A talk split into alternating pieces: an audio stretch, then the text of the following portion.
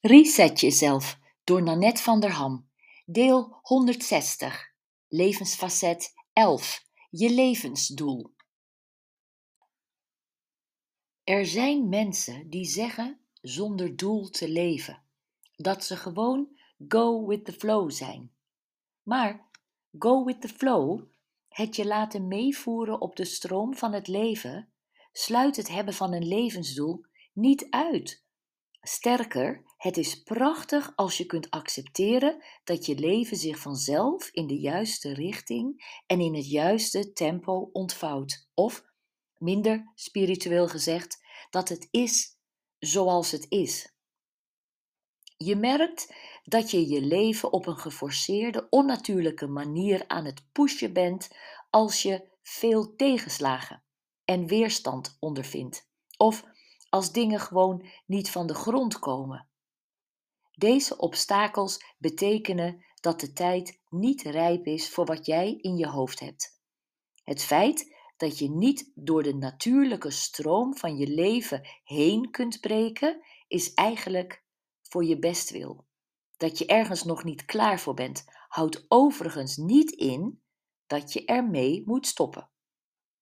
Een anekdote ter illustratie. Ik wilde heel jong als schrijfster worden.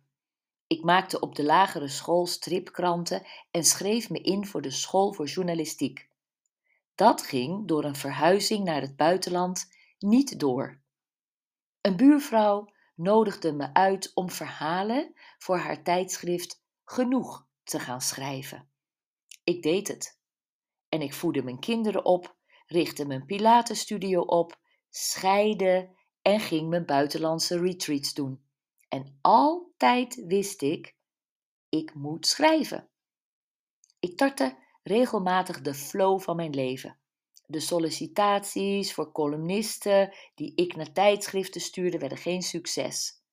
Met mijn afslankboeken werd ik geen Sonja Bakker of Dr. Frank, maar ik bleef schrijven. En nu schrijf ik nog.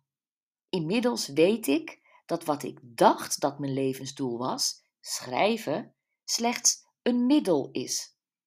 Mijn levensdoel is vrouwen helpen hun kracht, richting en lol in het leven te vinden.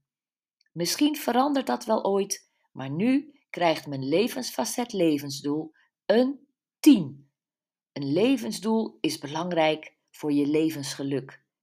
Daarom veel aandacht voor dit levensfacet. Hier komt jouw resetter nummer 2. Realiseer je dat een levensdoel zich langzaam kan ontvouwen. Hoewel ik wist dat ik wilde schrijven, heb ik 40 jaar vooral andere dingen gedaan. Al die dingen komen, nu de stukjes van mijn levensdoelpuzzel in elkaar vallen, van pas. Veel plezier en veel succes!